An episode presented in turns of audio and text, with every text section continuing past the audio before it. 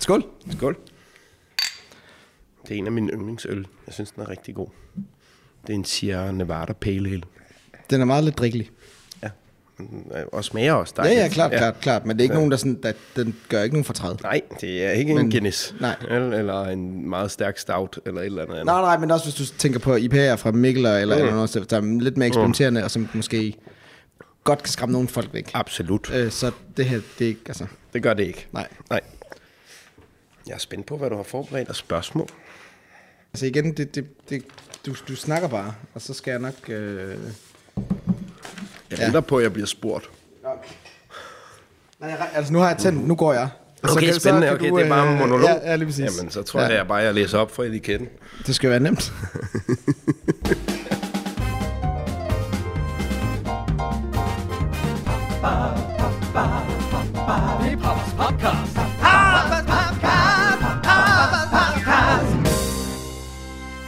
Og god hjertelig velkommen til Pappas Papcast, som vi optager den 16. april.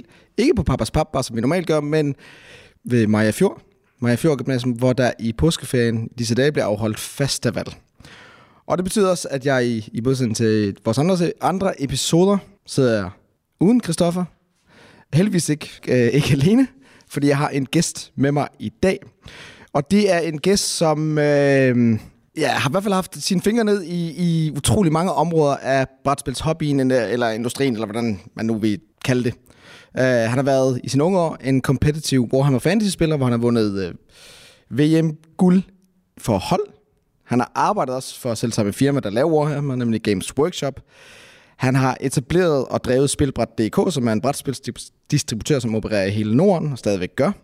Han har været med til at starte en brætspilsbutik, og han har været med til at starte, eller i hvert fald med til at designe spil som øh, Flam Rouge, som han selv designede, så har han co-designet spil som 13 Days, Copenhagen, Deep Blue, A Tale of Pirates og mange, mange flere.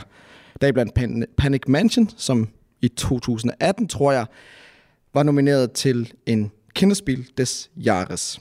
Og så har han siden 2019 også været medejer af et brætspilsforlag, som hedder Sidekick Games, sammen med hans, hvad kan man sige, meddesigner Daniel.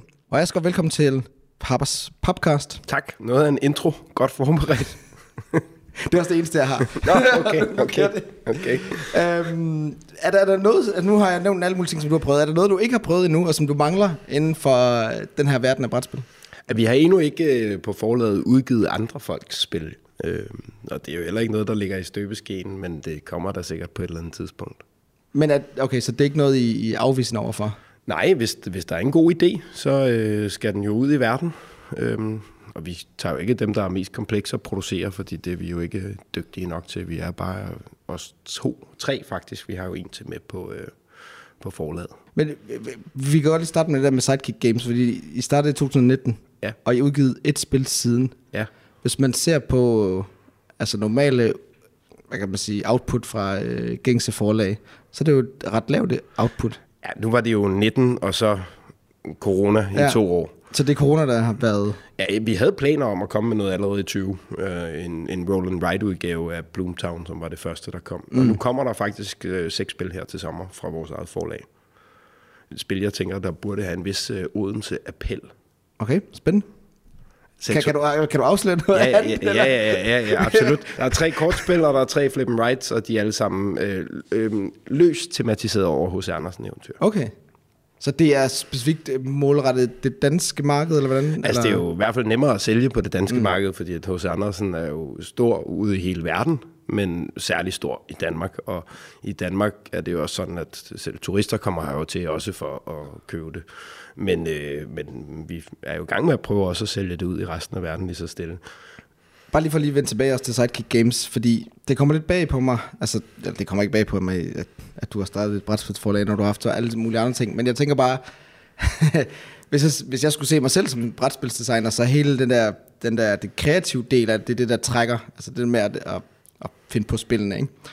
Og jeg tænker bare, at at lave sådan et forlag, altså der introducerer man sådan en kæmpe stort logistisk mareridt om at skulle brande sine spil og sælge sine spil og få dem transporteret fra Kina. Og hvordan, hvad får du lyst til at kaste dig ud i sådan et jeg vil ikke engang næsten kalde det eventyr, fordi det er en hovedpine. Lige så det er at køre, at køre sit eget forlag, når man nu er en succesfuld spildesigner, der har haft succes, succesfulde spil.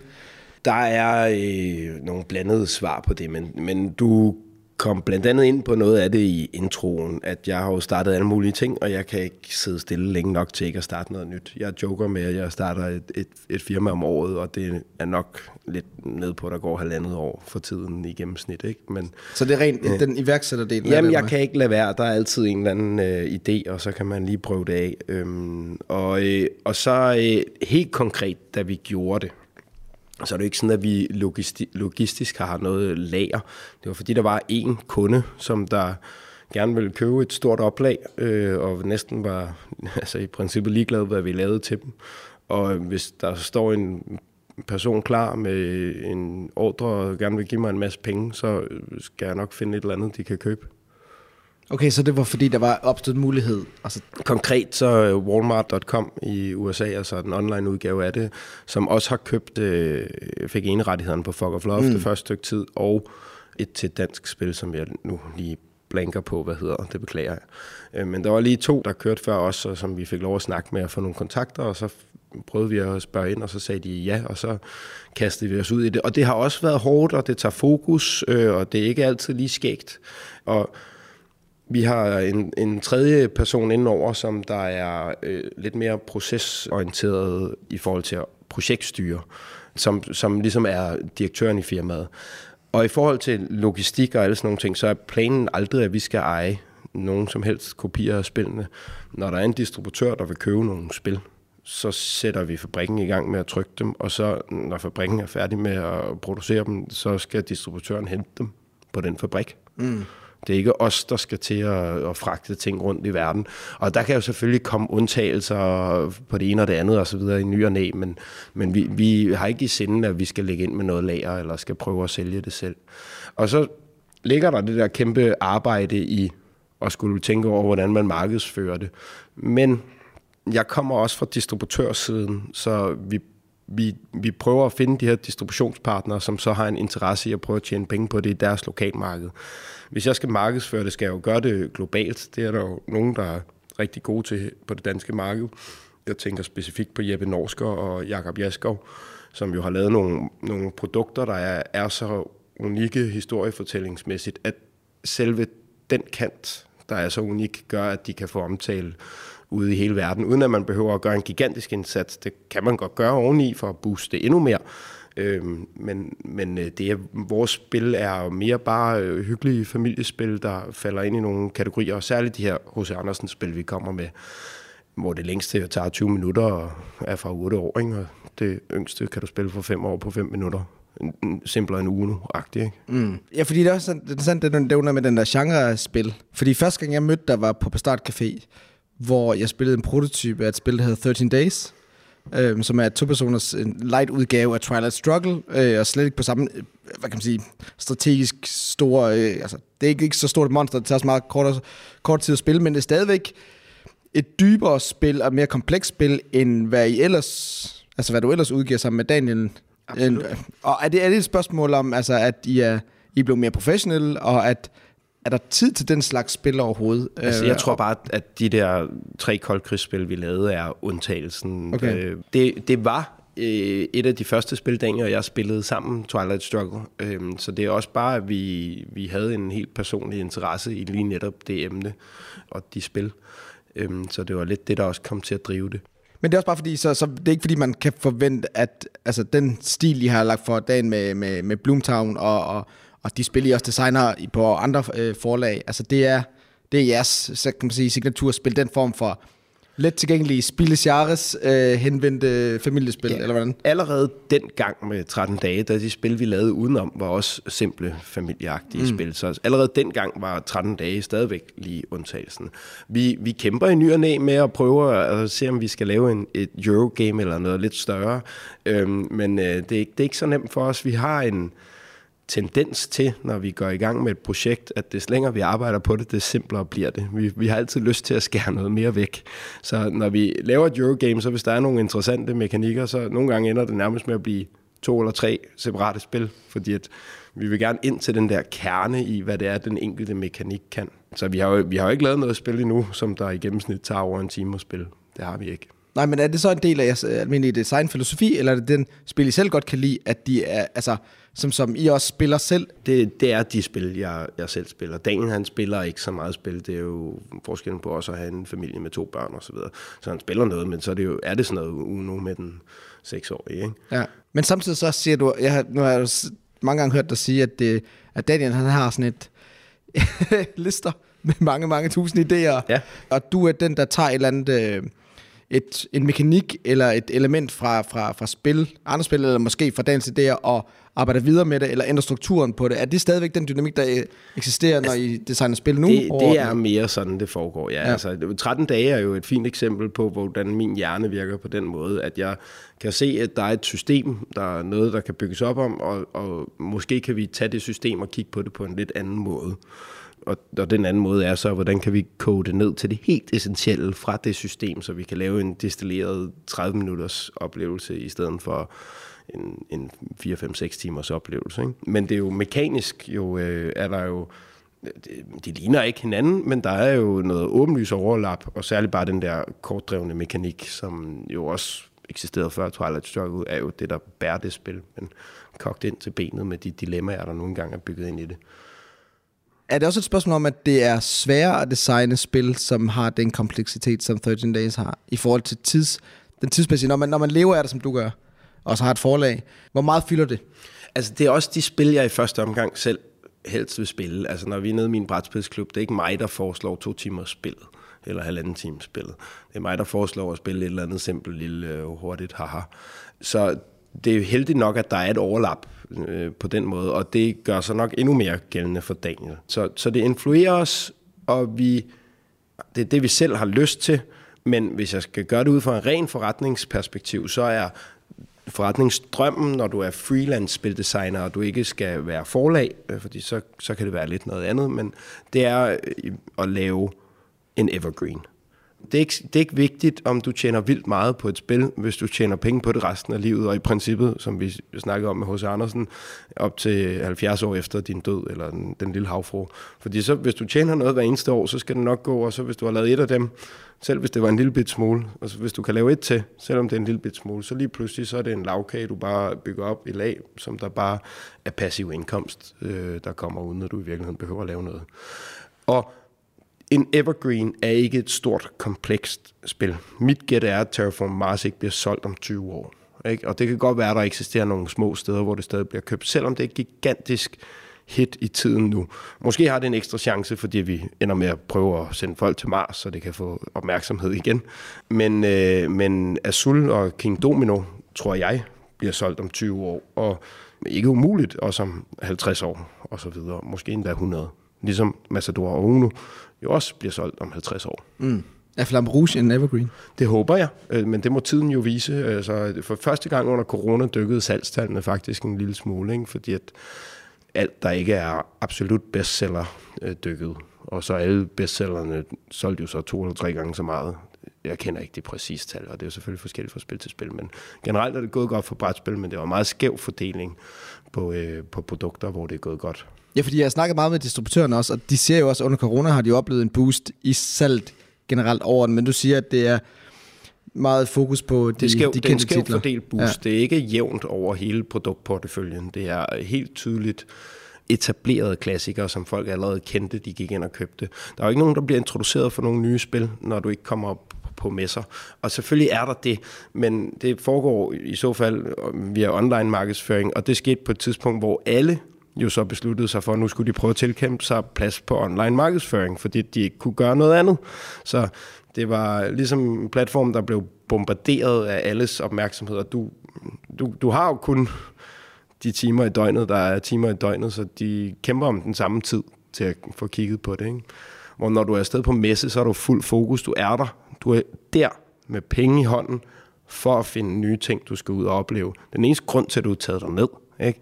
Øh, Og du kan ikke lige, du kan godt lave noget andet, men det virker også mærkeligt, når du har rejst langt for at være der og betale penge for det. Ikke? Altså, så, så der er et helt andet fokus på at, at udbrede nye ting på en messe, end der overhovedet kan lade sig gøre på en vis. Du kan ikke bare klikke væk. Ser du andre tendenser og udfordringer i forhold til det med at udgive spil øh, i, på, på, ja, på baggrund af de sidste to år i forhold til corona og så videre? Nogle ændringer i den måde, vi ser. Jeg har hørt noget snak om, at der har været en snak sådan, sådan jamen, kan vi flytte fabrikkerne til øh, Europa, og kan vi printe mere i Europa, og kan vi printe mere i USA i stedet for? Og, og i forhold også til jeres eget firma og så videre, har I ændret retning, eller, eller jeres måde at gøre tingene på altså, i de sidste to år? Bloomtown allerede i 19 trykte vi jo i USA til det amerikanske marked, og så øh, hentede vi en lille smule ind til Essen over derfra. Ikke? Men det var en amerikansk produktion, og så ellers har vi til Europa trykt i Europa. Øh, og, og vi trykker også i Europa nu. Men vi laver heller ikke komplekse produktioner med øh, plastikkomponenter. Vi prøver at holde det øh, FSC-mærket og, øh, og, og så godt som vi kan. Vi vil gerne undgå den der shrink wrap udenom æsken, men det er bare også en risiko som forlag nyt øh, at gøre det, fordi de kan ligge og gnide, og det kan gå lidt i stykker, og og det er også endnu en barriere, når vi så sælger noget til distributørerne, fordi så lige pludselig er der en ting, der ikke er, som som det ellers er, og så er der en grund til at tænke over det. Så vi har prøvet at lave den nu, men hvis vi kunne slippe afsted med shrink wrappen, vil vi gerne og lave et fuldstændig plastikfrit produkt.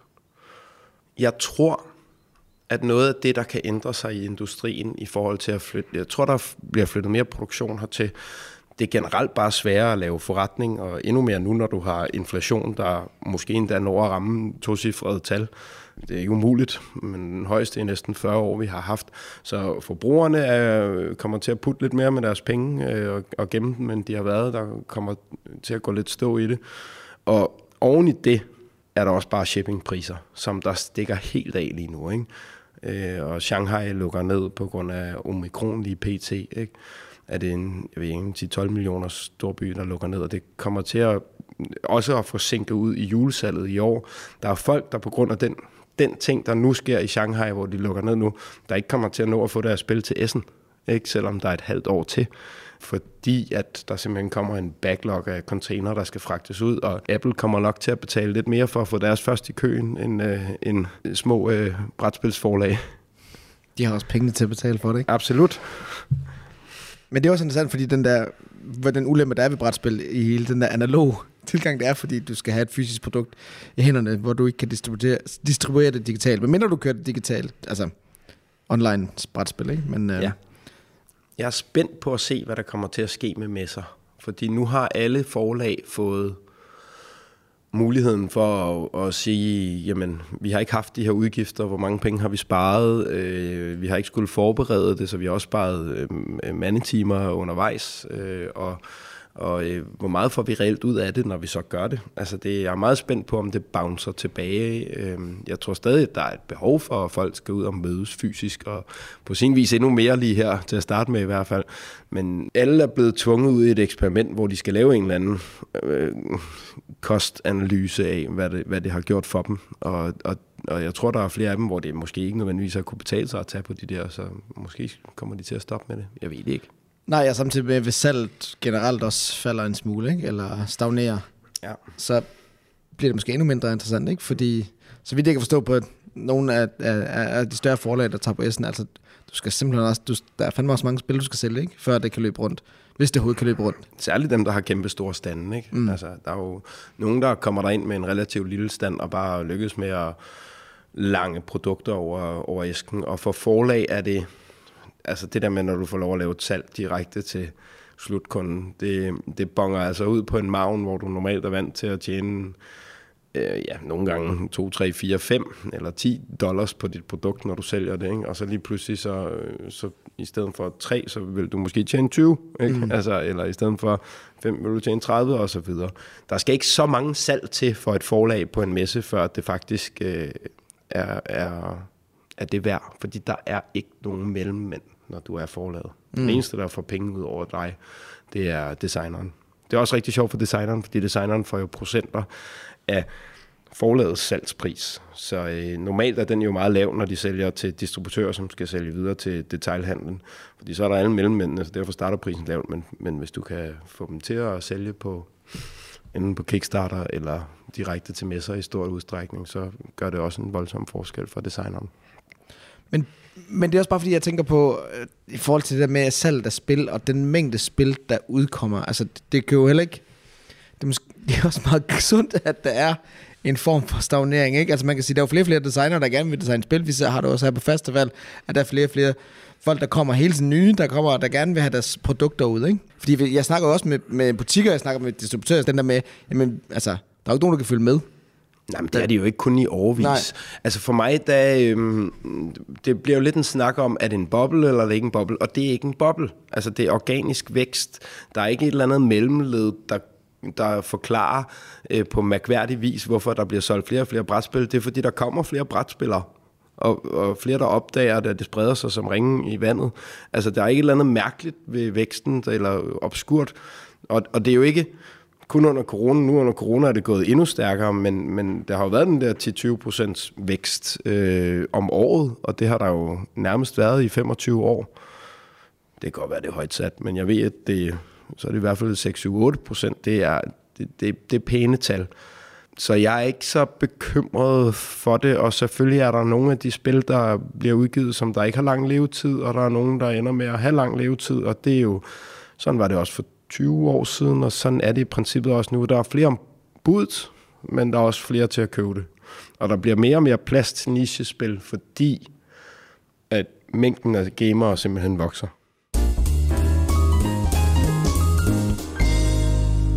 Lad os lige snakke mere om dig som designer, og der er, det, det, der er Daniel i går og laver. Fordi føler man, nu snakker du det med at lave en evergreen, som sådan løbende kan tjene penge, og så, så det kan være øh, hvad kan man sige, sustainable øh, over længere sigt. Ikke? Men når man tager springet til at blive fuldtidsdesigner, er der ikke et pres i forhold til at sige, at jeg skal jo have et vist output også, før det kan køre rundt? da vi gik fuldtid, var det jo fordi, vi havde haft, at vi har et bagkatalog allerede af ting, der kører og tjener, øh, tjener penge lige så stille. Jeg føler ikke det pres. Det, det er der sikkert nogen, der vil gøre, men det er en eller anden mærkelig konstellation, fordi jeg kan ikke rigtig skynde mig til ny indtjening som spildesigner, når det er freelance spildesign.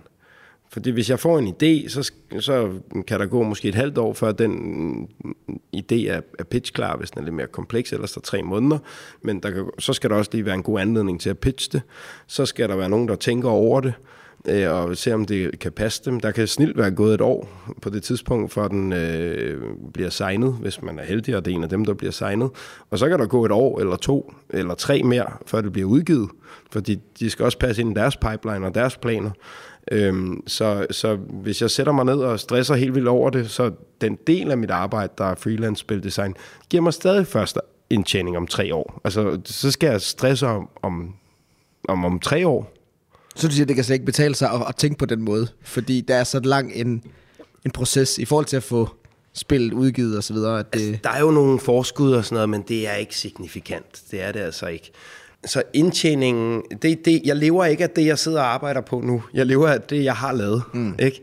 Og der er så lang tid, at hvis du stresser over det, så er der jo noget galt. Men selvfølgelig skal du have en eller anden produktion. Altså hvis du slet ikke har, har, har fået nogle spil signet, eller er på vej til udgivelse, så kommer der jo et eller andet problem ud i fremtiden. Så selvfølgelig skal du have, have noget gjort, men, men der er så lang tidshorisont, at det, hmm. det er ikke noget, jeg kan stresse over her i dag, eller i morgen, eller i næste uge. Øhm, så hvis, hvis det var sådan, at vi løb tør for idéer, og vi ikke rigtig synes, vi havde nogle gode øh, nye spil på vej, øh, altså bare i vores egen prototyp ting, så ville jeg da selvfølgelig begynde at tænke over, om, om det var den rette karrierevej, fordi der skal jo være en eller anden produktion, men, men det har vi nu stadigvæk. Det er ikke det samme som, at vi får kontrakt på dem, det må tiden vise, men hvis man laver nok og viser til nok, så er der nogen, der kan se et potentiale i det, øh, og så er der nogle af dem, der kommer ud, og forhåbentlig nogle af dem, der bliver hits. Men det er alle sammen en hel masse små lotterisedler. Det er meget svært at forudsige, hvor, hvor hittet bliver. Men I, bevar, I har stadig bevaret glæden ved spildesign, og det føles ikke Absolut. som en grind. Nej, en, ja. en daglig, hvor, hvor du siger, nu skal vi, nu skal vi producere noget, altså, øh, og nu bliver det bare en daglig dags trupperum, at nu skal vi bare have et spil ud af døren. Men jeg tror jo, at selv hvis jeg øh, så mange penge på min bankbog, at øh, det var lige meget, så ville jeg jo stadig designe brætspil. Ikke? Mm. Øhm, hvis øh, Daniel lige pludselig ikke kunne, eller flyttede til Sydamerika, eller et eller andet andet, eller bare ikke gad mig, så ville jeg nok stadig designe brætspil. Det er noget, jeg har indirekte gjort, inden jeg begyndte at designe brætspil, så har jeg designet Warhammer-scenarier og restriktioner og alle sådan nogle ting. Jeg, så jeg har leget med en spilverden, siden jeg har været helt lille. Ikke? Altså præ-teenager har jeg jo gjort det, så det er bare en, en livslang hobby, og, som så heldigvis også kan tjene penge. Nå, men det er jo det samme med for mit vedkommende, Ja. ja. kan man sige. Ja, Jeg synes, der er meget bare drift, men, øh, men ellers så... Og, jamen, og når vi laver forlagsdelen, kommer der jo mere af det ind, og nu skulle vi have de her øh, 6 H.C. Andersen spil klar her i, i starten af året, og det betyder, at vi øh, nærmest fra sidste sommer, øh, det halve år, nærmest bare har fokus på, øh, på vores forlagsvirksomhed. Men det var så dejligt her i, i midt februar, ligesom at kunne sætte et checkmark ved det. Nu er filerne sendt til øh, fabrikken, og regningen er betalt, og så skal vi vente på, at det bliver produceret osv. Men der er ikke ligesom noget, der ligger på vores bord i forhold til forlagsdelen der. Så der kunne vi komme i gang med at designe spil igen, øh, og vi havde med vilje sat det på pause for ikke at være distraheret og fokus. Det er så forfærdeligt, når man har et forlag, så er der jo nogle, når der, når der kommer noget, så kan du ikke bare lige vente en uge med at tage stilling til det. Øh, så derfor så bliver du hele tiden hævet ud af den kreative proces. Så det der med at få den der pause har været skønt, og det var så dejligt at komme i gang med at, at, at lave spil igen, og vi har haft gode gennembrud på alle mulige ting, og øh, ja, vi har lavet mere end 10 forskellige spil siden da, på de her to måneder, der er gået. Tre måneder, to måneder. To måneder, der er gået. Og, og nogle af dem er allerede klar til at blive pitchet. Øh, og Hvordan er det at se sit spil på markedet i en... Altså, jeg ved ikke, om du kan nævne nogle eksempler fra dit katalog, øh, i forhold til at sige, jamen, det var det her, vi havde tænkt, og så kom det ud på den her måde, og har der været, har der været skuffelse undervejs i forhold til, hvordan et forlag har håndteret jeres spil? Ja, jeg tror kun, der har, altså, tror kun, der har været én skuffelse, og, og så har den været koblet op på også nogle ting, der var gjort fantastisk, men, men hvor det måske har været øh, så komplekst et, et projekt, at det var svært at få det til at sidde i skabet. Ja. Ingen, ingen nævnt, Nej, nej. ingen glemt. Nej, det går vi ikke ind i. Men et spil, som, som jeg kan forstå, som har, hvor publisheren egentlig tog den og gjorde den måske endnu bedre, øh, så vidt jeg kan forstå, øh, var Panic Mansion. Absolut. Det er jo også et spil, der er så taktilt, at det er vigtigt, at bredden på døren øh, passer til slangens krumninger på træbrækken. Ikke? Så det er jo noget, vi i praksis ikke kunne mm. lave mm. færdigt.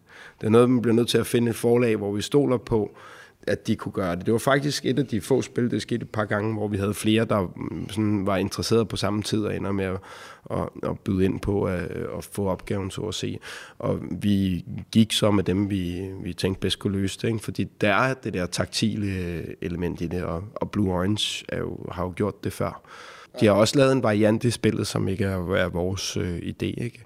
Øh, men, men et forlag, er jo en samarbejdspartner, og de, det er ikke sikkert, at de har ret, men de gør kun ting i håbet om at skabe et bedre produkt, og for dem er et bedre produkt et produkt, der sælger mere, og er billigere at sælge, eller har et højere prispunkt, og alle sådan nogle ting, der går ind i det. Og det betyder ikke altid, at de har ret, men hvis du er enig med dem, så betyder det heller ikke altid, at du har ret. Mm. Altså, øh, så det er ikke, når vi er på det punkt, så er det ikke noget, vi, øh, vi bekymrer os så meget om. Og derudover typisk, så er det jo bare forlaget, der får lov at bestemme. Som regel at vil de altid bare gerne have, at vi er glade også. Fordi de vil jo også gerne have, at vi viser dem det næste, som de også tror på kunne blive en forretningsidé. Så det, altså, det er meget, synes jeg, venskabelige øh, øh, samarbejder. Men Panic Mansion gik jo hen og blev nomineret som, øh, til ja. En kenderspilles Jares. Hvor meget, altså nu snak, jeg snakker den, der vinder Spilles Jares, altså den kæmpe store pris, ikke? Altså de sælger jo op til flere hundredtusind eksemplarer efterfølgende. Det er Øh, øh, slet ikke i nærheden, når det er på Kinder. nej. Og slet ikke, når det kun Men- er en nominering. okay. Vi havde håbet på, særligt med nomineringen, selvfølgelig at vinde, men altså også bare, at det i sig selv havde givet højere højere salgstal end det, men det er vi faktisk lidt skuffet over, at det ikke gjorde det. Jeg ved ikke, om der er noget, jeg, der er der er nogen, der ikke er så glade for, at der er en æderkop med og sådan nogle ting. Ikke? Altså hvis du har arachnofobi, og der er ret mange mennesker, der ikke jo har fobien, altså ikke nogen klinisk diagnose, men faktisk er, er bange for æderkopper. Øh, det er jo meget normalt. Det er sjovt, men noget så banalt kan faktisk være med til lige at bremse lidt på et produkt. Særligt et produkt, du også gerne vil have, at 5-6-årige kan sidde med. Ikke? Så hvis de lige, øh, jeg kan ikke lide det, ja, så, så er der et problem. Men jeg ved ikke hvorfor. Jeg vil have håbet på, at det gjorde det endnu bedre. Jeg tror, jeg mener, jeg har hørt dig flere gange sige også det der med, jamen et spils succes Altså det er ude af dine hænder, det er ude af forlagets hænder. Du kan gøre det bedste arbejde, du overhovedet formår, og alligevel så er der så mange faktorer, som du ikke kan styre, øh, hvornår det rammer markedet og så videre. Der er så, mange faktorer, altså, der er så meget held i det på sin vis, som gør, at, at, at, at selvom du synes, du har et fantastisk produkt, så kan det blive en kæmpe stor fiasko. Flam Rouge er jo mit store hit, og det var også så heldig at vinde nogle årets spilpriser. Men jeg kan ikke styre, at det så også kommer samme år som Azul. Ikke? Og der bliver kun uddelt én årets spilpris. Mm. Ikke? Så, så det betyder bare, at, at selv hvis du laver et fantastisk produkt, hvis det så gør det tilfældigvis det samme år, hvor der kommer tre andre fa- fantastiske produkter i den samme familievægtsklasse, eller, og, og kæmper om den øh, opmærksomhed, jamen så kan den opmærksomhed ryge ud og bare forsvinde andre steder hen. Nu er en pris noget, der kan hjælpe med, at lige kan få et boost og måske bide sig fast i et marked, men, men det, det lange spil handler om, at, at tingene sælger over overvis, og der er prisen forsvinder jo på et tidspunkt, den effekt, den har. Jo jo, og, og så kan der også være andre ting end priser, ikke? Altså for eksempel hvis der er nogle content creators eller nogle, øh, nogle prominente anmeldere, der, der tager fat i spillet og bliver rigtig glade for det. Jeg kan huske, der var en, en, en video øh, fra Papas Papbar øh, omkring Flam Rouge, at der så faldt, også faldt en video fra Shut Up Sit Down på samme tidspunkt. Det er jo bare et tilfælde, ikke? Men altså, der har klart været nogle content creators derude, som har... Jeg tror, de abonnerer på din kanal, for lige at holde øje med, hvad du ja, laver. Præcis, ikke? Ja, ja, altså, det må vi spille, når vi kigger nærmere på.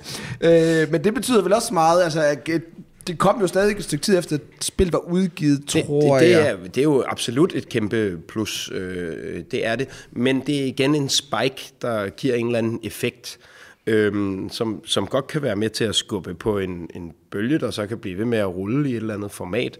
Men i dag kan du nok ikke se den effekt, eller det er tydeligt, ikke tydeligt at, at pointere, hvor den kommer fra øh, på den rigtig lange bane, medmindre du laver, bruger en masse penge på markedsføring, så øh, er det, der skal sælge dit spil, dit spil.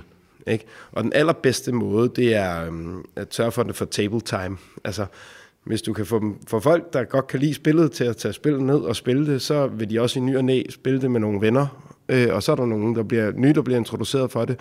Og det er den bedste reference, du kan få inden for noget som helst marketing, det er, at det er dine venner, der siger, at det er godt, eller du selv får lov at opleve det endnu bedre. Ikke? Øhm. Ja, fordi det er sandt også, fordi det er jo, det har, jo, men det er jo stadigvæk et spil, som ligesom i racing-genren er i folks bevidsthed. Nu så jeg lige Dice Tower lave deres top 10 racing games, øh, hvor Flam Rouge ikke var med. Og samtidig så kunne du se ude i chatten, siger, hvor er Flam Rouge, hvor er Flam Rouge, ikke? Ja, det vidste jeg ikke engang. Øh, Fedt. Og, og, og det betyder jo også, at det er, jo, det er jo en del af folks bevidsthed, når de tænker racing games, ikke? Hvordan er det at, og jeg ved godt, det er sådan en kliché, men hvordan er det at have, at have designet et spil, at den, altså som, som på verdensplan har den bevågenhed? Mega tænker fedt. du over det? Ja, ja, det er mega fedt. Det er jo det, der er drømmen, og det tænker vi så sandelig også over, når vi prøver at udvælge nye idéer og arbejde på. Altså, øh, og, og det du allerhelst vil gøre, det er jo også at lave noget, der rammer den så rent, at der ikke er nogen, der lige kan komme ind og, og tage pladsen fra dig. Ikke? Fordi det vil der jo være nogen, der prøver på et tidspunkt.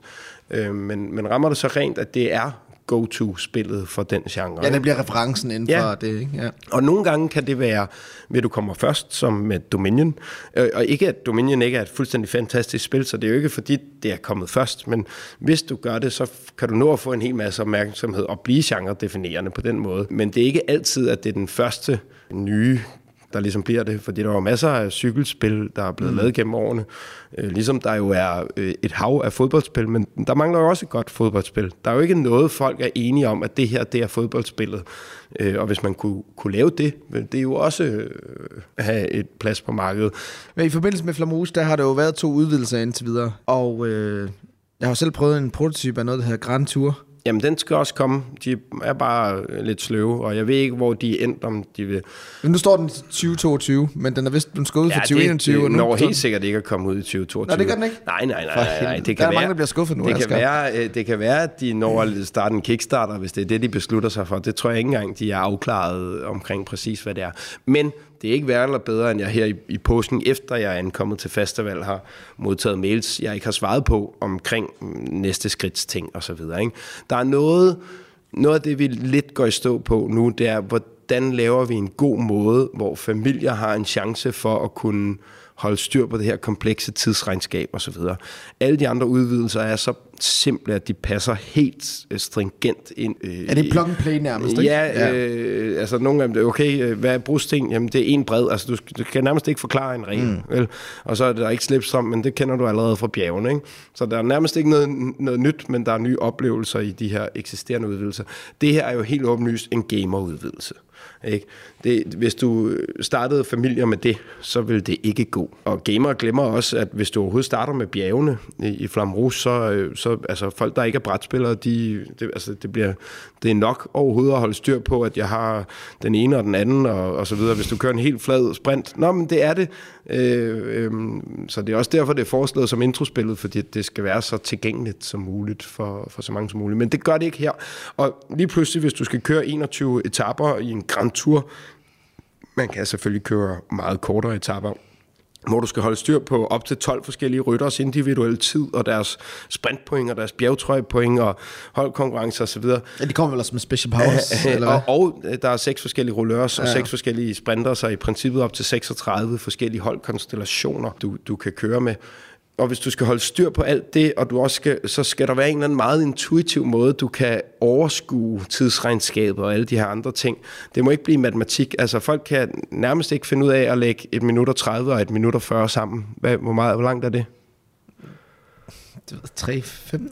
jeg ved sgu ikke. Tre, Jeg skal- det, det er 3 minutter og 10 sekunder. 3 ikke? okay, ja. Men altså, det, og, og jeg har, jeg, nede i min brætspilsklub er jeg så heldig, at jeg har øh, to øh, Vi fyre, blev som... enige om, at du skulle få mig til at se godt ud i den her podcast. Altså, så skal du ikke stille på sådan nogle matematikspørgsmål. Ja, men nu, okay, så nu taler jeg dig en lille, en lille smule op, så, fordi jeg har også testet det her, hvor jeg så prøver at sætte to Ph.D.'er med øh, fysikbaggrund til at sidde, ikke? og de sidder stadigvæk, og sådan, det går lidt langsomt og sådan noget, fordi der er et eller andet i det der med at lægge minutter og sekunder sammen, der lige kræver, at man stopper op og tænker, det er ikke bare to tal på sådan en helt øh, simpel måde, fordi det ikke er 10-skalaen. Så lige pludselig går ens hjerne sådan halvt i stå. Og I går ikke, i, I går ikke i app-vejen? Fordi jeg ved jo, den der uofficielle Grand Tour-app... De, de, de vil også gerne lave en app, men pointen er, at de har den ambition, og jeg er enig i den ambition, at du skal også bare kunne spille med det, der er i æsken. Mm. Og hvis appen på et tidspunkt ikke blev supportet, eller et eller andet andet åndssvagt, som selvfølgelig ikke skal ske, så, så, øh, så kan du... Øh, så kan du stadig spille det, ikke? Altså, det bliver ikke obsolet af, at der er et eller andet digitalt, der udgår. Det, der i praksis vil ske, er jo bare, at der er nogle fans, der vil lave et eller andet, der duede til det. Så i praksis bliver det nok, at alle spiller den der app, ikke? Men øh, jeg synes, det er en rigtig fin ambition. Men det er, det er et svært øh, formidlingsopgave at ramme den rigtige balance her. Fordi der er kompleksiteten, og det er det, der skal ind. Men det skal også formidles på en måde, så fans af spillet, men som ikke er gamere, skal stadig kunne købe det og, og forstå, hvad det er, det gør, uden mm. at deres hjerne eksploderer på en måde, så de bare tænker, det her, det gider jeg ikke. Det er sjovt med Flamme Rouge, ikke? Fordi jeg, jeg snakkede egentlig... Jeg, jeg så et opslag her forleden øh, på Papsnak, hvor der var en, der havde spillet det, og kunne slet ikke forstå, hvad appellen var i det spil, der, hvor er strategien, hvor er taktikken, altså det er bare at spille kortet, så rykker der nogle folk, og så kommer vi i mål samtidig, det den, der laver hurtigst udbrud. Men, Hvordan- men det er det samme med Tom Vassell jo, og Ja. Geistauer, Ja, ja. ikke? Det var jo også hans kritik. Ja. Der, og jeg har jo læst, særligt til at starte med mange af kommentarerne og sådan noget, inde på øh, BGG-ratings og så videre. Det er ikke, altså, det får jo ret gode ratings, men det er ikke en ualmindelig kritik. Og spil er jo forskellige, så A, det er ikke nødvendigvis for alle, men, men B, der er også nogen, der, for at sige det lidt firkantet, ikke ender med at forstå, hvad nuancen er. Flamruse er faktisk ikke et nemt spil at forstå. Du skal forstå, at det at vinde et felt, kan være det, der gør, at du vinder til sidst. Ikke? Fordi det kan være, at I kommer ind helt sammen. Og hvis du forstår det, og prøver at køre efter det, og begynder at forstå nogle logikker om, hvordan du faktisk kan små optimere nogle af de her sandsynligheder for, at du får de her bonusser. Det betyder ikke, at du er garanteret at få dem, og der kan være risici involveret i det også. Men hvis du begynder at forstå, øh, nu ligger der to rullørs foran mig, så kan de ikke køre fremme på den og den måde, hvis jeg spiller det her kort. Altså, så er jeg garanteret det, eller jeg kan spille noget andet, og så øh, har jeg en chance for det. Og selv hvis du gør alle de her ting korrekt, kan du stadig trække en dårlig hånd på, på, på det tidspunkt, eller sidde og tænke over noget, at de måske vil gøre, som de ikke engang har muligheden for, fordi de ikke har trukket det kort. Men det betyder ikke, at du ikke har muligheden for at, at finde frem til det. Og hvis du accepterer at forstå den logik, og at den findes, øh, tror på det, så kan hver eneste tur faktisk være spændende i det der afsløringsmoment, som Flam Rouge har, fordi at du nu ved, at få et felt kan faktisk være afgørende. Så mm. der er også mange, der spiller det, der tror, at man ikke kan gå i udbrud. Altså fordi, at, øh, så har de prøvet det en gang, eller på et forkert tidspunkt, eller nogle forkerte rytter osv., og så lige pludselig opstår der en gruppelogik om det. Hvordan er det så med, med den slags kritik, kan man sige, eller den... Jeg tænker, er der en trang som designer at komme ind og sige, øh, prøv at høre her, du har misforstået, altså nu spørger du jo om det, så jeg går lidt ind i diskussionen ja, nu. Ja. Ikke? Altså, det er jo ikke, fordi jeg ikke har en mening om det. Du men... har ikke snakket med Tom Vassel på Essen eller noget? Jo, jo. Der ja, ja. ja. Okay. jeg har sagt til ham, det kunne du ikke lide, var. uh, så var han glad for Admiral of the Black, eller sådan et ja. eller andet, eller Tale of Pirates, undskyld, mm. hedder det som udgivet. Ja. Øhm, så øhm, hvis jeg ikke har lavet et spil, du ikke kan lide, så synes jeg ikke, jeg har været en god spildesigner. Fordi jeg vil gerne lave en bredde af, af, af forskellige spil. Og jeg har ingen ambition om at gøre alle folk glade på nogen måder. Det, er jo produkter til forskellige målgrupper, og folk har forskellige smag, og hvad de kan lide osv. Det, det har jeg det fint med. Jeg vil jo våge at påstå, fordi jeg nu har været spildesigner i 10 år, og professionel i flere, øh, i mange år, øh, fuldtids også i mange år, og har lavet alt muligt andet med brætspil, jeg, jeg har nok en lidt bedre grundforståelse end dem, der lige spiller det et par gange og ikke helt forstår, øh, hvad tingene er. Bare intuitionen af, hvad det er, der er af mekanikker. Der er jo misforståelser derude hele tiden. Dem behøver man ikke at korrekse. Det skal folk have lov til. Det er ikke vigtigt, de kan lide mit spil. Det er det ikke. Der er så mange spil, som jeg ikke rigtig bryder mig voldsomt om, som jeg sagtens kan anerkende er fuldstændig fantastiske designs og gode spil. Det er bare ikke til mig. Og, og det er der heller ikke noget hokus pokus i. Men det er også sjovt det der med at så være anmelder, ikke? Fordi at det er jo det er jo også bare almindelige mennesker, som har en smag inden for brætspil, ikke? Og, men så nogle gange så havner ned i et spil, som de skal anmelde, som er overhovedet ikke er dem. Og, øh, og nogle og, af dem er mere øh, eller mindre reflekteret, og nogle af dem overlapper mere eller mindre med, med din smag end med min smag. Og ligesom hvis du øh, følger en, en filmanmelder, så hvis de hader actionfilm, og du elsker actionfilm, så skal du måske finde en anden anmelder til at, anmelde, øh, til at læse op på actionfilm. Ikke? Altså, anmeldere er ikke sandhedsvidner på nogen måde. Og der findes altså dårlige anmeldere derude. Du er jo, øh... Jeg er ikke vild med Tom Vassel som nej. anmelder. Jeg synes, at det meget er, er følelses, sådan helt ned i maven og meget lidt analytisk. Jeg synes, at Shut Up and Sit Down, de, de passer godt til min smag, og jeg synes, det er fokuseret analytisk, og selv når de er uenige, så får de talt om, hvad det er, der gør, at de ikke kan lide det, eller godt kan lide det, eller der er noget, der mekanisk generer nogen. Altså, så de laver en analyse, som, som jeg føler og tror på. Jeg har set Tom Vassel anmelde Gold Fever, hvor at, altså, jeg har set ham misforstå noget, som jeg med det spil har set treårige forstå. Men det betyder jo ikke, at han ikke laver et anmeldelsesprodukt, som der har et kæmpe... Igen, jeg behøver, folk behøver ikke at kunne lide mine spil, og alle behøver ikke at kunne lide de samme anmeldere.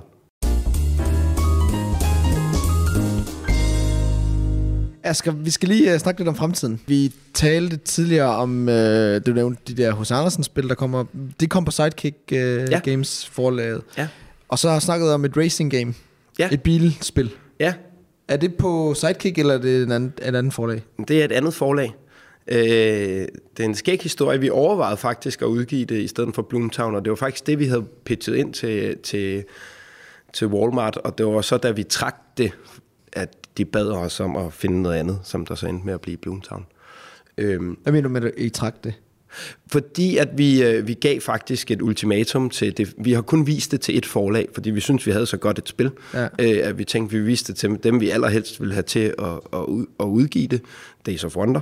Øhm, så vi viste det til dem, og så, og så øh, var vi hen mod december, og det her Walmart, vi overvejede, om vi selv skulle prøve at udgive det og sælge det ind til, til Walmart og være ejeren af det. Jeg er glad for, at vi ikke selv udgav det, selvom det er et, et spil, vi virkelig tror på at kunne blive en evergreen. Øh, men vi sagde simpelthen til Days of Wonder, at øh, vi overvejer at udgive det selv. Så øh, kan I ikke beslutte jer inden måneden er om, for om det er noget, I synes, I vil gøre. Ja. Og det vil de rigtig gerne.